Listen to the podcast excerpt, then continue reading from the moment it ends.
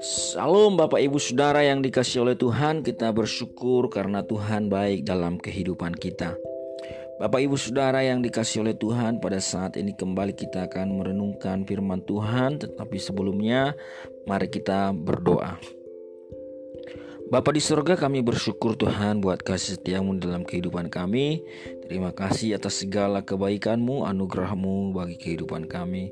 Dan saat ini kami mau merenungkan firmanmu Biarlah kiranya Tuhan hikmat dari roh kudus Berbicara kuat atas kami, mengajar kami akan firmanmu Dan memberikan kami kekuatan, akan firman-Mu sehingga kami bukan saja pendengar tetapi kami juga pelaku-pelaku daripada firman Tuhan. Terima kasih Tuhan Yesus, kami bersyukur dan sambut firman Tuhan. Haleluya. Amin. Bapak Ibu Saudara yang dikasihi oleh Tuhan, pada saat ini kita kembali akan merenungkan firman Tuhan yang tertulis di dalam Mazmur pasal ke-12 ayatnya yang pertama sampai ayatnya yang ke-8.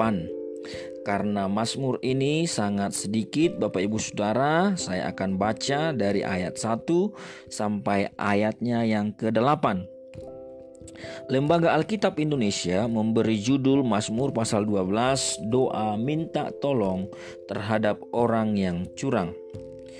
Dari ayat pertama sampai ayat yang ke-8 demikianlah firman Tuhan dituliskan bahwa untuk pemimpin biduan menurut lagu yang ke-8 Mazmur Daud Tolonglah kiranya Tuhan sebab orang saleh telah habis telah lenyap orang-orang yang setia dari antara anak-anak manusia. Mereka berkata dusta yang seorang kepada yang lain, mereka berkata dengan bibir yang manis dan hati yang bercabang. Biarlah Tuhan mengerat segala bibir yang manis dan setiap lidah yang bercakap besar. Dari mereka yang berkata, "Dengan lidah kami, kami menang, bibir kami menyokong kami, siapakah Tuhan atas kami?" Oleh karena penindasan terhadap orang-orang yang lemah, oleh karena keluhan orang-orang miskin, sekarang juga aku bangkit, firman Tuhan. Aku memberi keselamatan kepada orang yang menghauskannya. Janji Tuhan adalah janji yang murni, bagaikan perak yang teruji, tujuh kali dimurnikan dalam dapur peleburan di tanah. Engkau Tuhan yang akan menepatinya, Engkau akan menjaga kami senantiasa terhadap angkatan ini. Orang-orang fasik berjalan semena-mana, sementara kebusukan muncul di antara anak-anak manusia. Berbahagialah mereka yang mendengarkan firman Tuhan dan melakukannya. Nah, Bapak Ibu Saudara, di dalam Mazmur pasal 12 ini ditulis oleh Daud, Bapak Ibu Saudara, di sana dituliskan bahwa ini adalah doa minta tolong kepada Tuhan terhadap orang-orang yang curang. Kita akan melihat Bapak Ibu Saudara hal-hal yang mungkin dapat kita renungkan yang menjadi renungan bagi kita pada saat ini. Yang pertama di dalam ayat 1 kita dapat merenungkan di sana bahwa Daud mengatakan tolonglah kiranya Tuhan. Di sini kita bisa melihat Daud menjadikan Tuhan sebagai tempat pertolongan. Tolonglah kiranya Tuhan sebab orang-orang saleh telah habis, telah lenyap orang-orang yang setia dari anak-anak manusia. Dari sini kita melihat Bapak Ibu Saudara bahwa Tuhanlah tempat pertolongan bagi Daud atas hilangnya orang-orang saleh, atas hilangnya orang-orang yang setia. Sehingga orang-orang yang setia tidak ada, maka yang ada adalah orang-orang yang curang, orang-orang yang tidak setia atas keadaan yang terjadi di dalam sekeliling Daud, dia datang kepada Tuhan dan Tuhan sebagai tempat pertolongannya. Bagaimana dengan kita pribadi lepas pribadi?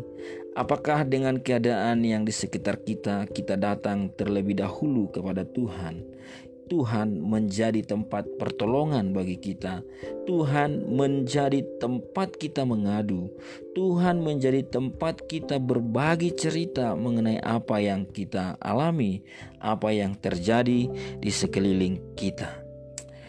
Di dalam pasal 12 ayat yang kedua, ini menggambarkan keadaan manusia di mana dikatakan mereka berkata dusta Kemudian seorang kepada yang lain mereka berkata dengan bibir yang manis dan hati yang bercabang.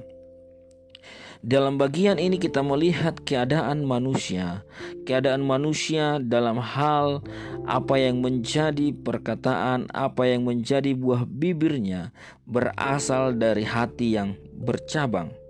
Mereka berkata dusta, kemudian mereka berkata dengan bibir yang manis, dan hati yang bercabang. Kita melihat di sini bahwa hati yang bercabang akan menghasilkan perkataan dusta, akan menghasilkan bibir yang manis. Bibir yang manis tentunya adalah bibir yang menipu, yang bukan mengatakan yang sebenarnya. Itulah keadaan yang dilihat oleh Daud pada masa itu di sekelilingnya. Kemudian di dalam ayat yang ketiga, Daud memberikan permohonan kepada Tuhan. Ia berkata, "Biarlah kiranya Tuhan mengerat segala bibir yang manis dan setiap lidah yang bercakap besar." Ini adalah permohonan pemazmur, permohonan Daud, harapan Daud bagi Tuhan. Kemudian di dalam ayat 4 kesombongan manusia digambarkan. Dari mereka berkata dengan lidah kami kami menang. Bibir kami menyokong kami. Kemudian siapakah Tuhan atas kami? Dari sini kita bisa melihat apa yang menjadi kesombongan manusia, di mana manusia mengingkari akan keberadaan Tuhan atas dirinya. Seringkali Bapak Ibu Saudara kita merasa apa yang kita dapat, apa yang kita alami, keberhasilan, keadaan kita yang semakin baik, semakin makmur itu menjadi menjadi alat yang kita lakukan sebagai kesombongan sehingga kita mengingkari campur tangan Tuhan, berkat Tuhan, perbuatan Tuhan melalui kehidupan kita atas apa yang kita terima dan kita berkata bahwa semuanya itu adalah karena kerja keras kita. Di dalam ayat 4 ini jelas pemazmur mengatakan dari mereka yang berkata dengan lidah kami kami menang dan bibir kami menyokong kami seolah-olah bahwa kemenangan yang dimiliki mereka, bahwa keberadaan yang mereka miliki itu akibat dari kepintaran, akibat dari hasil daripada buah lidah mereka sendiri. Oleh karena itulah kesombongan manusia yang senantiasa ketika dia berhasil ia mengingkari keberadaan Tuhan, mengingkari kuasa Tuhan, mengingkari perbuatan Tuhan dalam kehidupannya.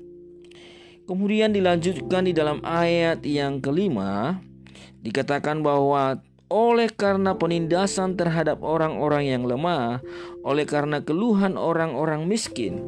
Sekarang aku juga bangkit firman Tuhan.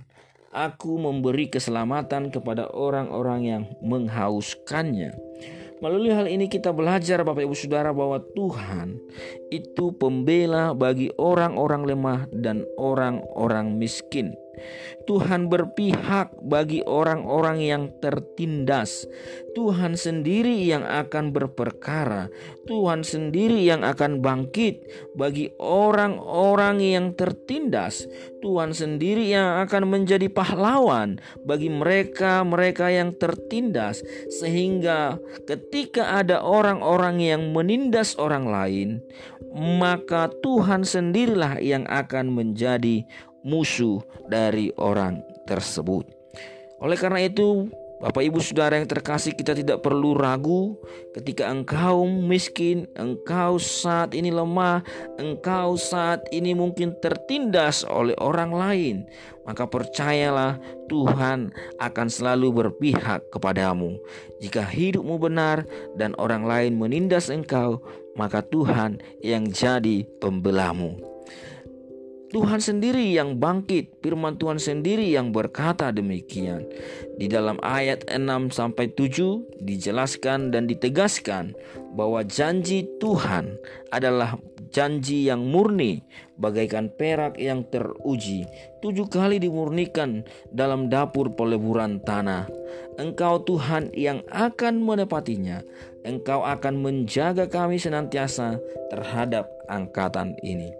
Di dalam ayat 6 dan 7 ini ditegaskan bahwa Tuhan itu adalah setia, bahwa Tuhan adalah setia dia adalah Allah yang menepati janji-janjinya. Dia adalah Allah yang menepati apa yang diucapkan olehnya. Oleh karena itu Bapak Ibu Saudara bahkan dikatakan bahwa janjinya murni bagaikan perak yang teruji. Tujuh kali dimurnikan. Tujuh kali berbicara mengenai kesempurnaan. Bahwa janji Allah itu dimurnikan dengan sempurna. Dan Allah Tuhan akan menepati janjinya. Janjinya adalah bahwa ia yang akan membela orang-orang miskin, orang-orang lemah, dan orang-orang tertindas. Bahwa ia menjadi pertolongan bagi orang-orang yang tertindas. Oleh karena itu Bapak Ibu Saudara, kita tidak perlu ragu, kita tidak perlu bimbang ketika kita mengalami penindasan. Tuhanlah menjadi pembela kita. Tuhanlah yang menjadi tempat perlindungan kita. Orang pasik, orang pasik ada di mana-mana, berjalan ke mana-mana. Orang pasik berjalan ke mana-mana, sementara kebusukan muncul di antara anak-anak manusia.